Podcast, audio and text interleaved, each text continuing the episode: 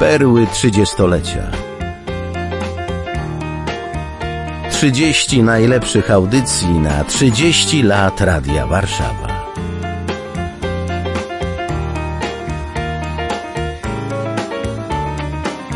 Audycja została wyemitowana w Radiu Warszawa 106 i 2 FM.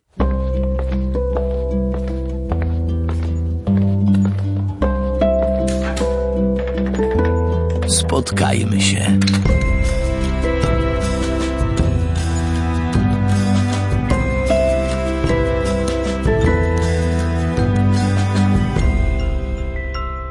Witamy serdecznie Państwa. Dziś e, wyjątkowy gość, bo wiem, że to nasze spotkanie poprzednie zapadło Państwu bardzo głęboko w serca i do dziś Państwo mi o tym mówią, a naszym gościem jest Pan Adam Piątkowski. Dzień dobry. Opiekun osoby chorej na chorobę Alzheimera, członek zarządu Polskiego Stowarzyszenia Pomocy Chorym na tę chorobę, na chorobę Alzheimera.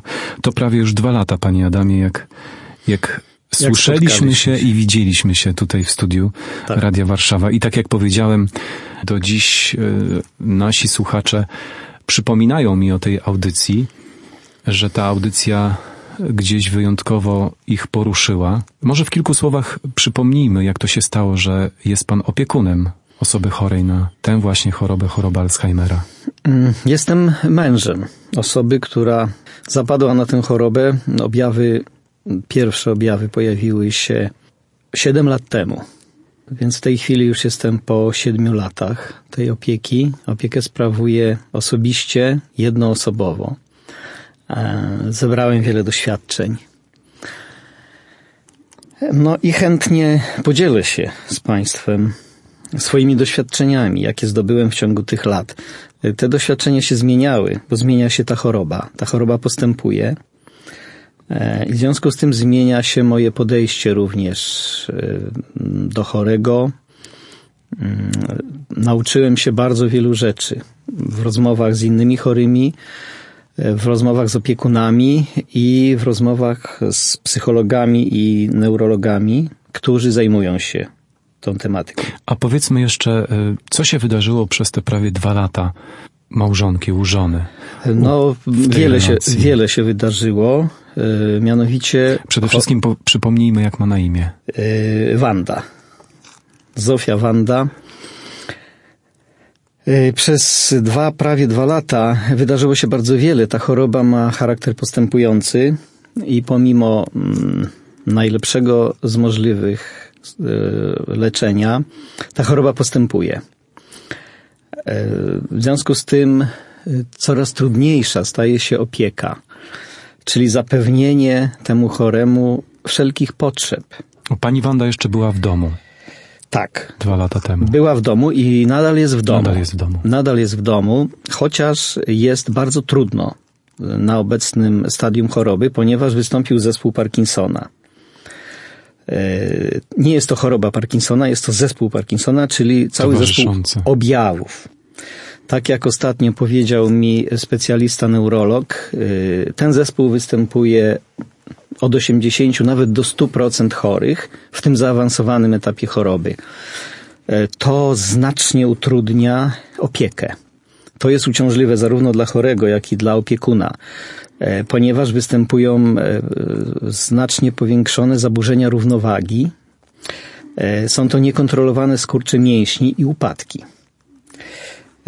No już miałem przypadki trzykrotne, kiedy żona właśnie przewróciła się pomimo że ja ją asekurowałem. E, ale te skurcze mięśni są tak silne, że po prostu chory staje się bezwładny i, i to powoduje właśnie upadek. E, więc e, uciążliwość w tej chwili opieki jest no, znacznie większa. To od tej strony no, bardzo ważnej tej opieki, a zapytam od takiej relacji waszej małżeńskiej. No relacje nasze y, nie zmieniły się.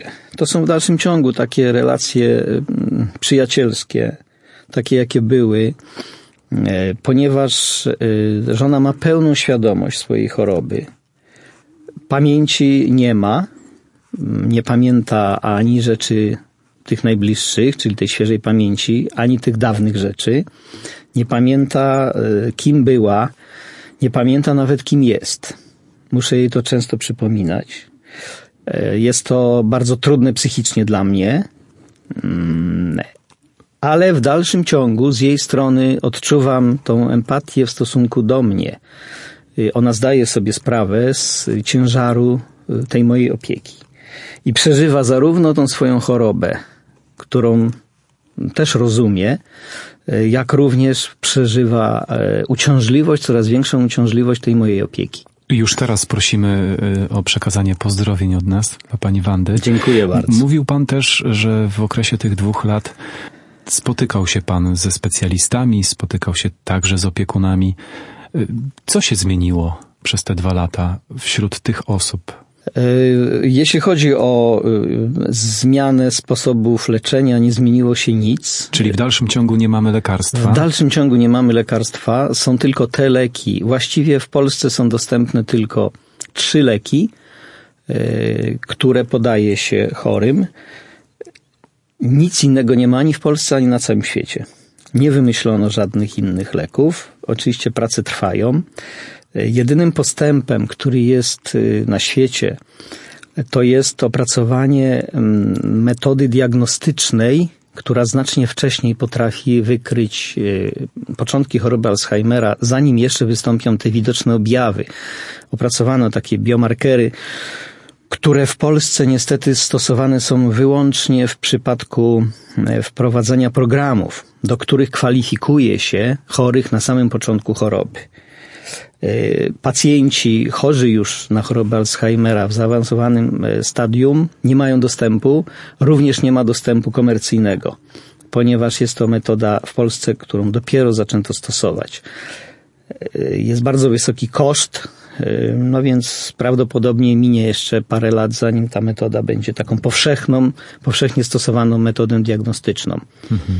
To jeśli chodzi o te aspekty naukowe, o, o zresztą co jakiś czas w prasie, w mediach możemy usłyszeć, że e, że coś pomaga w zatrzymaniu tej choroby, że coś gdzieś ktoś coś wymyślił albo ktoś e, proponuje na to, żeby zatrzymać tę chorobę, to rozumiem, że to wszystko jest, to są jakieś takie próby szukania takiego ratunku na to, żeby powstrzymać tak, to są, tak, choroby. to są próby, to są próby, które tak naprawdę nic nie dają. Y, w zasadzie wprowadzają w błąd i chorych, i opiekunów, ponieważ nawet leki, które zostały opracowane kilkadziesiąt lat temu, a które przepisują nawet lekarze, y, są nieskuteczne te leki, y, mm, już nie mówię o mm, tych suplementach, które również są zalecane jako poprawiające y, ukrwienie mózgu, jako właśnie poprawiające pamięć. Lekarze, którzy się tym zajmują, twierdzą, y, lekarze, którzy badają skuteczność tych środków, twierdzą, że nie mają żadnego wpływu na chorobę Czasami y, chorzy twierdzą, że y, jest pewna poprawa, ale specjaliści mówią, że to jest na zasadzie efektu placebo. Po prostu ludzie wierzą, że to może pomóc. Natomiast te leki nie pomagają. Czy jest jeszcze coś, jakaś ważna rzecz, o której by pan powiedział, że coś się zmieniło? Jeżeli chodzi o opiekę, nie zmieniło się nic. Nie jest lepiej. E, jeżeli chodzi o leczenie farmakologiczne, również nie ma żadnych zmian. Nawet nie wprowadzono tych przesiewowych badań we wczesnej fazie e, choroby, czy nawet profilaktycznie przy, ponieważ e, jednym z czynników ryzyka choroby Alzheimera i innych chorób otępiennych jest wiek, więc należałoby wprowadzić wieku gdzieś no, 65 lat badania przesiewowe na etapie y, lekarzy rodzinnych, pierwszego kontaktu. Niestety nie wprowadzono tego. Czyli od tych dwóch lat nie zmieniło się w zasadzie nic. To taka smutna wizja, że, że opiekun, że osoba dotknięta tą chorobą pozostaje sama, sama sobie, Za chwilę o tym porozmawiamy, o tej bliskości, bliskości tej choroby, ale także o tym, jak stworzyć bezpieczny dom, co to znaczy, że e, bliscy są pozostawieni sobie samym i co to znaczy, że chorzy są pozostawieni sobie samym. Za chwilę do Państwa wrócimy. Witamy serdecznie Państwa. Naszym gościem jest pan Adam Piątkowski, opiekun osoby dotkniętej chorobą Alzheimera. Panie Adamie, z czym wiąże się ta bliskość z chorobą Alzheimera? Bo z jednej strony możemy to rozpatrywać, jak czuje się sam chory z tą chorobą, czy ma świadomość tej choroby, a z drugiej strony chciałem Pana zapytać właśnie o to, jak Pan jako opiekun jest blisko tej choroby i tym wszystkim zjawiskom, które, które dzieją się wokół tej, wokół tej osoby chorej na chorobę Alzheimera. E, no ta bliskość rzeczywiście e, dotknęła mnie e, chyba w stopniu największym, ponieważ spełniam tą opiekę przez 24 godziny na dobę. Spełniam ją osobiście. Tak więc jestem na bieżąco, godzina po godzinie z tym chorym. Staram się czy pan przeszedł jakieś kursy opieki? Czy pan to robi intuicyjnie? Przechodziłem, przechodziłem e, psychoterapię. E, w sumie zaliczyłem około 100 godzin wykładów na temat e, właśnie opieki. To bardzo mi pomogło. No cały czas, cały czas biorę udział w spotkaniach z wybitnymi specjalistami zajmującymi się problematyką zarówno chorych, jak i opiekunów.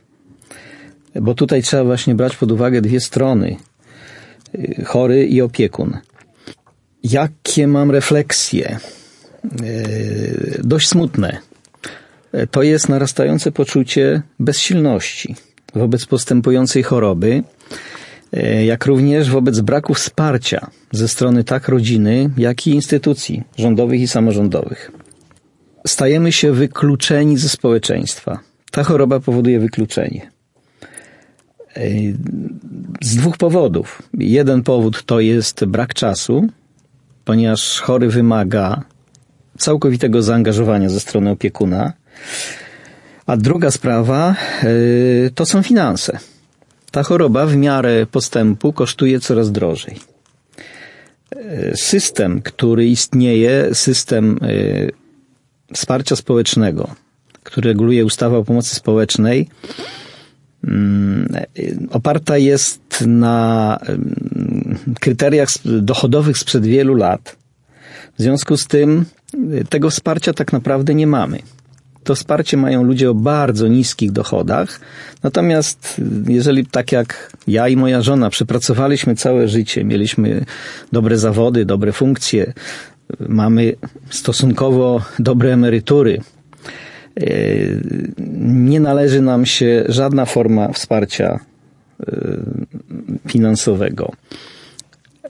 Więc jesteśmy coraz bardziej wykluczeni z tego powodu te koszty bardzo znacząco rosną w miarę upływu czasu. W tej chwili każde moje wyjście z domu kosztuje 100 zł, e, ponieważ opiekunka średnio na godzinę bierze 20 zł. Mhm. E, no więc wyjście na 5 godzin, no to jest takie, które umożliwia załatwienie czegokolwiek. A życie mamy bardzo sformalizowane, wymagające ciągłych wizyt w urzędach, w różnych miejscach. Nawet zrobienie większych zakupów już wymaga w tej chwili opiekunki, ponieważ Zdarzało się, że po powrocie z krótkich zakupów, półgodzinnych, znajdowałem żonę leżącą w przedpokoju, bo ten zespół właśnie Parkinsona, który wystąpił, powoduje to, że potrafi stracić równowagę i przewrócić się. No więc e, w tej chwili jest zagrożenie już takie fizyczne również. A takie instytucje jak domy dziennego pobytu? No niestety, domy dziennego pobytu już są poza e, naszym zasięgiem. Y, ponieważ tam trzeba samodzielnie się obsługiwać, trzeba samodzielnie zjeść, trzeba samodzielnie obsłużyć się w toalecie. Y, ponieważ moja żona tego nie robi, w tej chwili już nie może korzystać. Korzystała. Korzystała rzeczywiście w tej pierwszej fazie choroby, korzystała przez pierwsze trzy lata z domu y, właśnie dziennego. To jest dobre? To jest bardzo dobre. To jest mhm. bardzo dobre. Y, te domy, z których żona korzystała, były na bardzo dobrym poziomie. Tam była mm, rehabilitacja poznawcza, rehabilitacja ruchowa, y, zajęcia muzyczne, które bardzo pomagają chorym, zajęcia ruchowe. W tej chwili niestety jest tego pozbawiona. No i to jest jeden z moich dylematów obecnych, bo y, w tej chwili wynajęcie rehabilitanta prywatnego przekracza już tak, moje możliwości, tak, tak. bo te 7 lat choroby żony pochłonęły wszystkie nasze zasoby, które były odłożone w tej chwili. Możemy to pokrywać z emerytur naszych. Tak. No więc pozbawieni jesteśmy już takiej możliwości. Czyli y, jedynym rozwiązaniem byłaby placówka stałego pobytu, gdzie ten rehabilitant, gdzie ta opieka byłaby na stałe? To jest bardzo trudna decyzja. To jest wyzwanie, które właśnie w tej chwili przede mną stoi. Y, na czym polega ta trudność? To znaczy, że y, nie chce pan oddać żony do właśnie do jakiejś instytucji, czy Obawiam się, że to, co jest najistotniejsze w opiece, czyli zapewnienie poczucia bezpieczeństwa, może być zaburzone u żony. Yy, bo, bo jakie ma potrzeby teraz taka osoba no, właśnie? Co, jest, co może być Potrzeby mamy tak naprawdę i zdrowi, i chorzy takie same. Bez względu na wiek. Bez prawda? względu na wiek. Jest tak zwana piramida potrzeb, gdzie u podstawy, czyli te potrzeby najważniejsze, to są potrzeby fizjologiczne. I te potrzeby musimy sobie załatwiać jako osoby zdrowe, załatwiamy sami. Jako osoby chore musimy mieć opiekuna. Pomoc. Musimy mieć pomoc. To nie jest tak, że my już nie mamy tych potrzeb, prawda? No, Oczywiście. No, nadal w nas są. Oczywiście, te wszystkie potrzeby są. E, musimy, nie możemy być głodni, nie możemy być spragnieni. E, chory sam nie poprosi ani o jedzenie, ani o napój. Trzeba mu przyszykować i podać. Można postawić napój chory tego nie weźmie. Trzeba mu po prostu podać. podać. W związku z tym, no wymagana jest właśnie ta bezpośrednia opieka. A następnie, czyli na tym wyższym poziomie, to jest właśnie zapewnienie poczucia bezpieczeństwa. My, jako zdrowi ludzie, zapewniamy sobie to poczucie na najróżniejsze sposoby. Natomiast choremu trzeba to zapewnić i to nie jest łatwe. To nie są tylko, prawda, ściany, bezpieczne pomieszczenie tak. zamknięte na klucz, tak. tylko wręcz przeciwnie, jakaś relacja też, prawda, utrzymanie o, tej tak, relacji. Właśnie tej... to jest najważniejsze. Czym jest ta bliskość właśnie z osobą? Chory nie potrafi już rozróżnić nawet y, domu, miejsca, mieszkania, w którym mieszkał. Natomiast wiąże się z osobą, która jest y, blisko, która jest przyjazna, która pomaga. E, Słysz, jest... Słyszy ją, widzi ją, czuje ją? Tak, tak, tak, mhm. tak. Więc tu właśnie jest ten problem. W chorobie Alzheimera yy, świadomość jest cały czas, nie ma pamięci. Więc ten odbiór tej osoby, która jest blisko, jest najważniejsza. Właśnie ta osoba sprawia poczucie bezpieczeństwa. Yy, no i jest tu problem, ponieważ umieszczenie chorego dla jego dobra w placówce która się zajmuje zawodowo, która ma mm, często bogatą ofertę, tak jak chociażby Centrum Alzheimera w Warszawie, gdzie oferta jest bardzo bogata, gdzie jest fizjoterapia, gdzie są różnego rodzaju dostosowane do możliwości chorych zajęcia, nie wypełniają właśnie tego, co jest najważniejsze, czyli nie sprawiają, że chory czuje się bezpiecznie. Ja rozmawiałem na ten temat właśnie z osobami pracującymi, z psychologami pracującymi właśnie w Centrum Alzheimera, bo byłem bardzo ciekawy, czy zależy to od długości czasu przebywania w takiej placówce, czy jest możliwość, żeby ten chory poczuł się bezpiecznie, żeby się przystosował. Okazuje się, że nie. Powiedziano mi, że osoby, które mają świadomość bardzo długo, właściwie do końca chciałyby wrócić do swoich domów ale pod pojęciem tego domu rozumieją tą najbliższą osobę, która była. Często zresztą ja też spotykam się w sytuacjach, które czasami trudno jest przewidzieć, yy, które zdarzają się często w moim mieszkaniu. Żona mówi do mnie, chce wracać do domu. To jest sytuacja, kiedy jest parę osób, ona czuje się zagubiona. Tak, albo czasami ja też słyszę, chcę do mamy. Tak, Na tak, przykład. tak, bo to jest właśnie ta bliskość z osobą, która sprawowała kiedyś opiekę albo Tak. sprawuje aktualnie opiekę. To jest bardzo ważne, bo od tego poczucia bezpieczeństwa zależy spokój chorego, zależy tak naprawdę długość jego życia. W domach opieki ludzie żyją dość krótko. To też no, jest takim dla mnie bardzo czytelnym dowodem na to, że właśnie brak tego poczucia bezpieczeństwa powoduje, że ludzie no, tracą sens istnienia. I tego najbardziej się pan obawia. Tego się obawiam najbardziej, chociaż z drugiej strony yy, wiem, jak bardzo potrzebna jest żonie właśnie fizjoterapia, jak bardzo potrzebny jest jej ruch. Ja jestem zajęty tymi czynnościami codziennego życia. tak. To są zakupy, to jest umycie żony, Tak. ubranie, yy, to jest przeprowadzanie jej. Yy, Oczywiście yy, zastanawiam się nad jakąś alternatywą. Myślę o zorganizowaniu opieki domowej.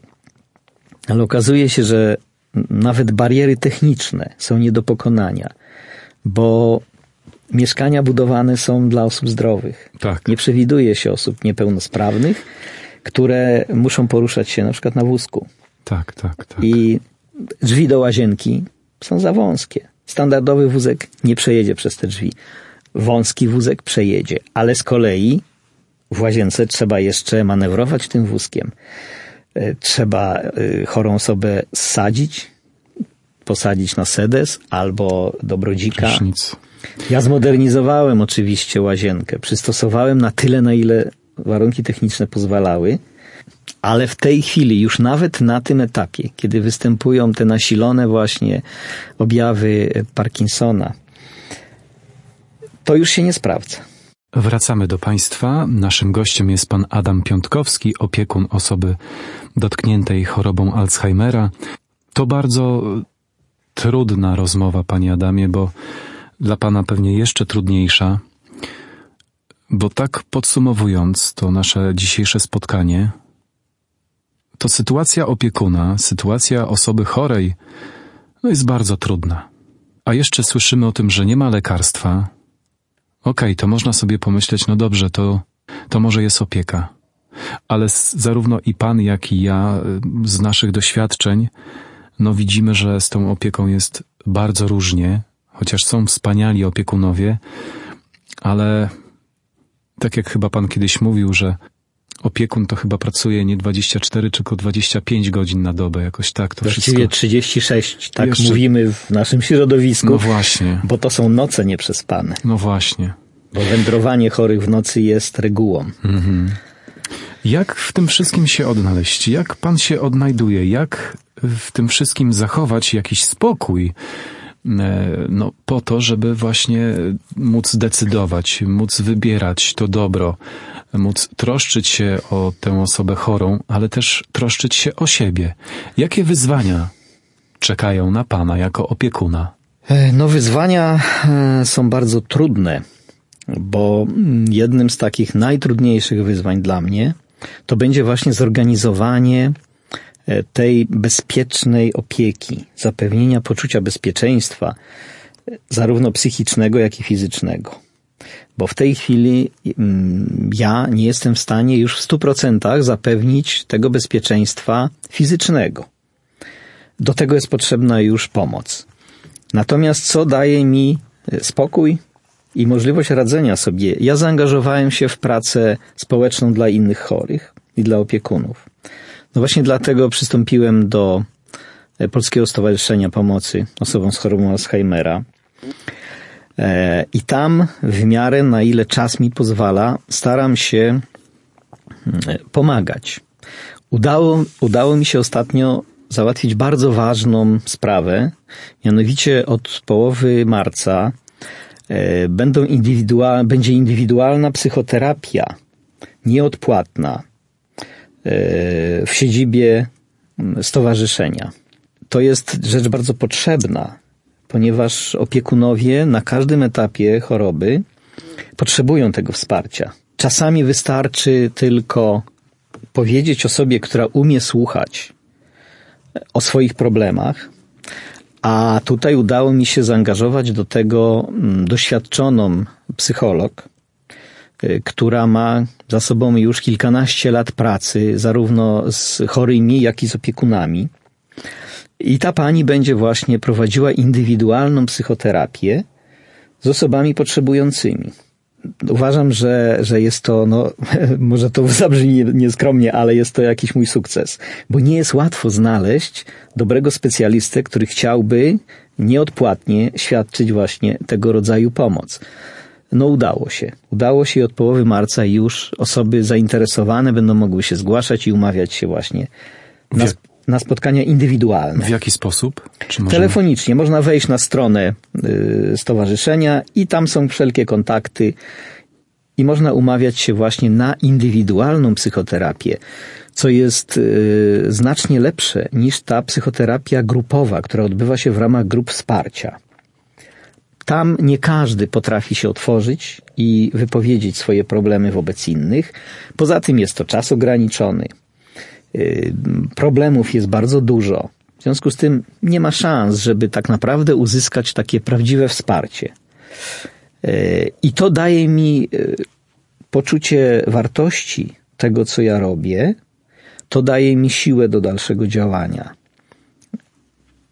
Bo widzę tutaj ogromną przestrzeń do zagospodarowania, przestrzeń pustą, którą bardzo niechętnie wchodzą ludzie zdrowi więc tym bardziej właśnie jestem zadowolony, że udało mi się coś takiego zorganizować. Także zapraszam wszystkich, którzy mają jakiekolwiek problemy ze sobą, ze swoimi chorymi, bo tam będzie można uzyskać e, informacje zarówno jak mm, pracować z chorym, jak opiekować się chorym, ale również jak zorganizować dla siebie e, ten czas, który jest niezbędny, żeby nabrać sił do dalszej opieki. Gdzie jest siedziba stowarzyszenia? W Warszawie na ulicy Emily Plater 47. Można wejść na stronę internetową pod adresem www.alzheimer-waw.pl Panie Adamie, a co z Pana starością? Co ze starością po męsku? Jak starzeje się mężczyzna? Często poruszamy ten temat starości u mężczyzn i no, jest pan obładowany tutaj różnymi obowiązkami, różnymi inicjatywami. Pewnie rzadko pan myśli o swojej starości. No, w tej chwili już zacząłem myśleć, ponieważ w tym roku kończę 70 lat. E, w związku z tym pora pomyśleć o tym. E, te narastające objawy Parkinsona uświadomiły mi, że już nie jestem w stanie podołać fizycznie tym wyzwaniom, które teraz przede mną e, stanęły gdyby nie wystąpiły te objawy, to bez problemu mógłbym samodzielnie w dalszym ciągu tą opiekę sprawować. Ale niestety, w tej chwili już to przerasta moje możliwości fizyczne, no bo sam zaczynam mieć różne dolegliwości. No więc postanowiłem e, zadbać o siebie. E, pierwszy raz właśnie w tym roku chcę wyjechać na dwutygodniowy odpoczynek bo to jest ogromny stres, kiedy ta najbliższa osoba zapada w tą chorobę i pomimo tych coraz większych starań e, ze strony mojej i ze strony innych opiekunów, ta choroba postępuje. To jest, to jest bardzo stresująca sytuacja. Także... Nieustannie człowiek przegrywa. Właśnie. Tak, tak. Więc to przegrywa. poczucie tego przegrania, pomimo właśnie tego ogromnego wysiłku, no wymaga takiego specjalnego podejścia do siebie właśnie. Czyli trzeba odejść od tego chorego na pewien czas, po to, żeby nabrać sił i fizycznych, i psychicznych do dalszego sprawowania tej opieki.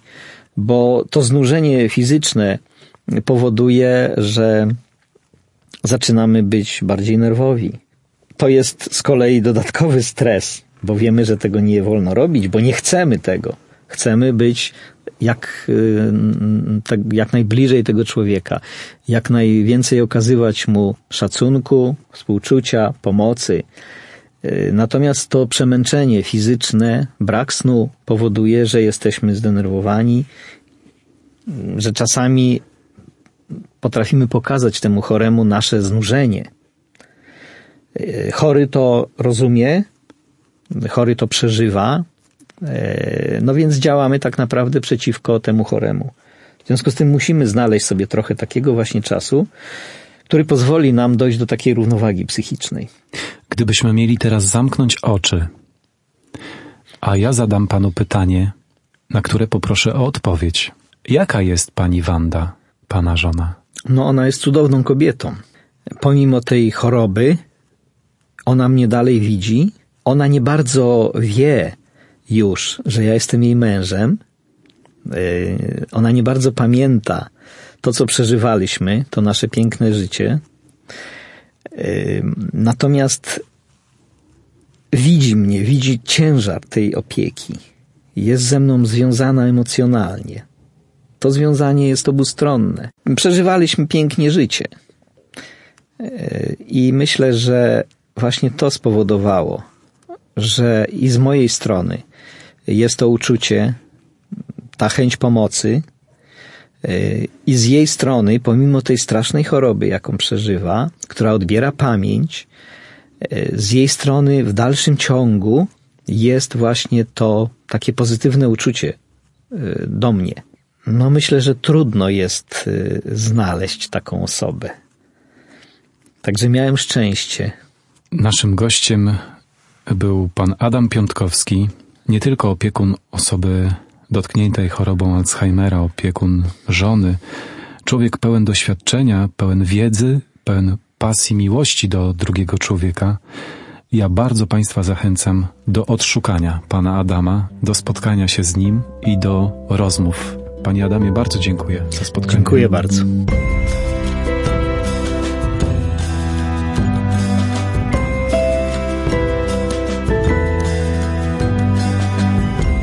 Spotkajmy się.